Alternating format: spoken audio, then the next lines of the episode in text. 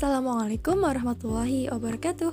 Selamat datang semuanya di podcast Menyapa Kisah bareng aku, Aini. Nah, pada kesempatan kali ini aku mau berbagi pengalaman aku eh, pas di SMK di mana dulu aku pernah ikut ekstrakurikuler pramuka. Nah, jadi waktu kelas 10 itu ekstra pramuka tuh wajib buat anak-anak kelas 10 Jadi semuanya harus ikut gitu kan. Walaupun ya tetap aja ada yang bandel dan kabur gitu pas jadwalnya ekstra pramuka. Tapi intinya dalam sekolah aku di beberapa bulan pertama itu anak-anak kelas 10 tuh wajib buat ikut pramuka. Alhasil aku ikut kan. Nah setelah mengikutinya beberapa kali peraturannya dirubah nih jadi udah nggak wajib lagi jadi buat yang mau ikut ya silahkan yang enggak ya nggak apa-apa gitu. Tapi nih pas peraturannya udah dirubah itu aku tuh dalam posisi di mana aku ikut kepengurusan kepengurusan di osis. Nah kakak kelasnya itu yang notabene punya jabatan lebih tinggi daripada aku yang masih kelas 10 itu kayak nekenin supaya harus ikut pramuka gitu. Karena kebanyakan dari kakak kelas aku waktu itu adalah anak-anak pramuka ya. Jadi mereka kayak ingin banget supaya adik-adiknya terutama yang ada di kepengurusan OSIS itu ikut buat jadi anak pramuka juga gitu. Alhasil ya aku ikut gitu.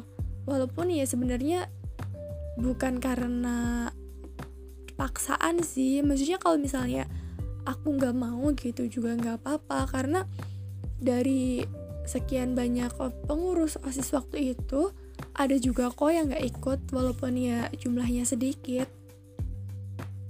Tapi aku adalah salah satu anak yang memutuskan untuk ikut ya. Alhasil aku ikut peminatan ikut peminatan ekstra pramuka itu.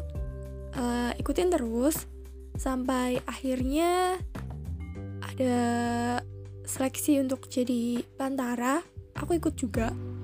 Ya karena dari osis juga kayak harus ikut juga walaupun ya nggak harus sih sebenarnya tapi aku ikut. Dari bantara itu akhirnya aku kepilih jadi salah satunya terus ikutin terus prosesnya sampai akhirnya aku jadi laksana dan ya sekarang udah lulus. Dan berhubung lagi situasinya semacam ini ya gak tahu ada kegiatan atau enggak di sekolah terkait dengan kepramukaan. Tapi yang jelas ceritanya nggak sesederhana itu ya, cuma ikut ekstra jadi bantara laksana terus lulus udah gitu aja.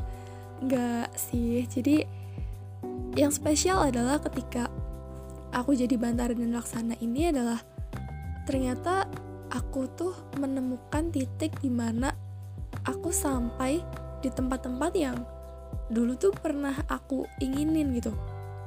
Jadi pas aku masih kelas 10 bahkan sebenarnya dari SMP gitu kalau ngelihat kakak kelas ataupun anak-anak yang lagi uh, ikut organisasi yang lagi ikut kegiatan itu kayaknya tuh mereka tuh keren banget gitu.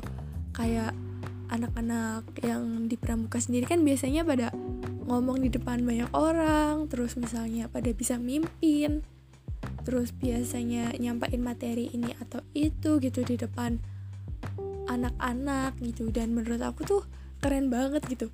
Apalagi kalau misalnya lagi sok tegas gitu kan aduh pokoknya keren banget deh. Terutama yang cowok-cowok aduh nggak nggak bercanda. Pokoknya di mata aku tuh mereka keren banget gitu. Dan dalam hati aku tuh kayak yang wah keren banget ya mereka. Hebat banget ya mereka. Aku kayaknya pengen juga deh kayak mereka bisa ngomong di depan banyak orang bisa berani gitu bisa mimpin banyak orang gitu. Dan ya aku pengen kayak mereka gitu. Cuman ya sebenarnya cuman terlintas aja cuman kayak wah aku pengen jadi kayak mereka pengen jadi sebaik mereka gitu dan tanpa aku sadari itulah iri. Iri dalam kebaikan sih kalau menurut aku. Karena emang dari definisinya sendiri iri kan adalah suatu emosi atau perasaan di mana kita menginginkan sesuatu seperti orang lain gitu.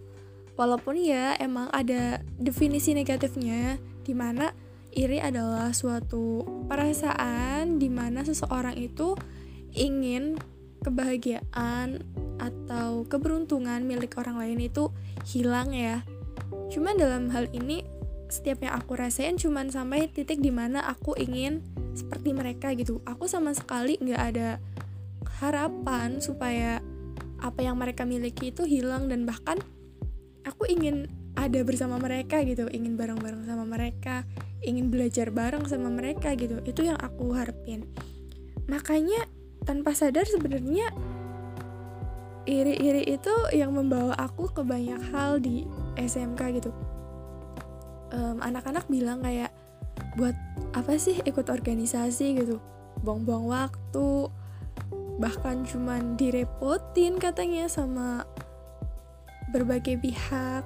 Dan itu bener-bener yang kayak habisin tenaga juga buat apa sih ikut organisasi gitu kan kayak pembantu aja gitu. Bahkan ada sampai yang bilang kayak gitu. Tapi ya it's okay nggak apa-apa. Itu pendapat mereka. Cuman kalau menurut pendapat aku adalah ikut organisasi adalah sebuah keberuntungan sih menurut aku. Karena aku menemukan banyak hal baru yang nggak aku dapetin kalau aku tuh bukan anak organisasi gitu dan aku rasa semua yang aku dapetin itu salah satunya berawal dari the power of iri ya.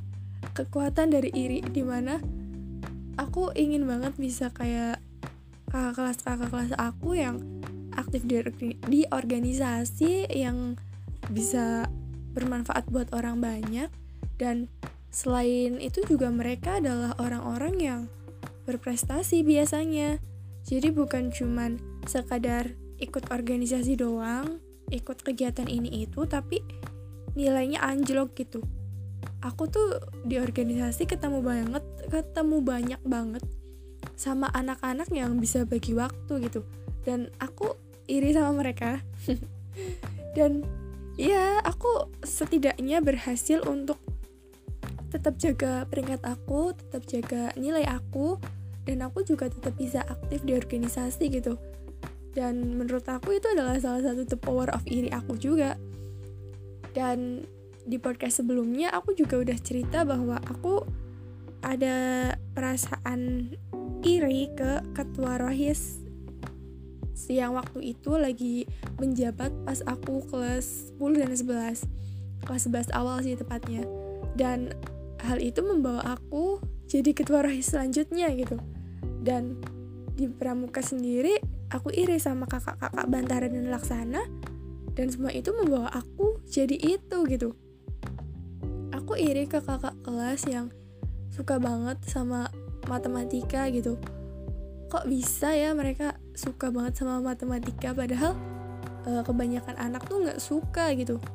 Alhasil aku yang ngerasa bodoh banget di matematika ya mencoba untuk terus belajar dan menekuni matematika dan akhirnya banyak teman-teman aku yang bilang kalau aku ini ibu rumus. Padahal ya aku nggak sepinter itu di matematika gitu.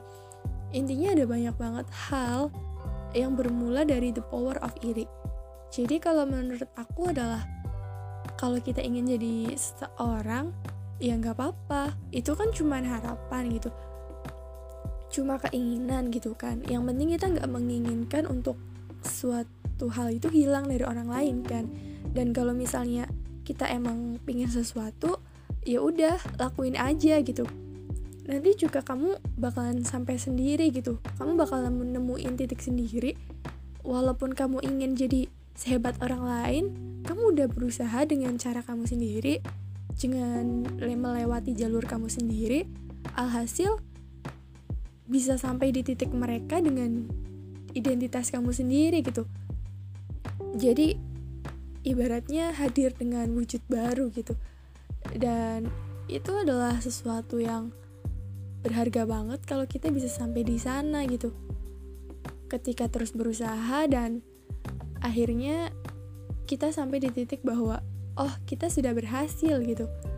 Jadi intinya terus berusaha kalaupun kalian berharap untuk mendapatkan sesuatu yang orang lain miliki ya nggak apa-apa asalkan kita mencurahkannya ke hal-hal yang positif dan gak menginginkan keburukan buat orang lain it's okay the power of iri nggak masalah kan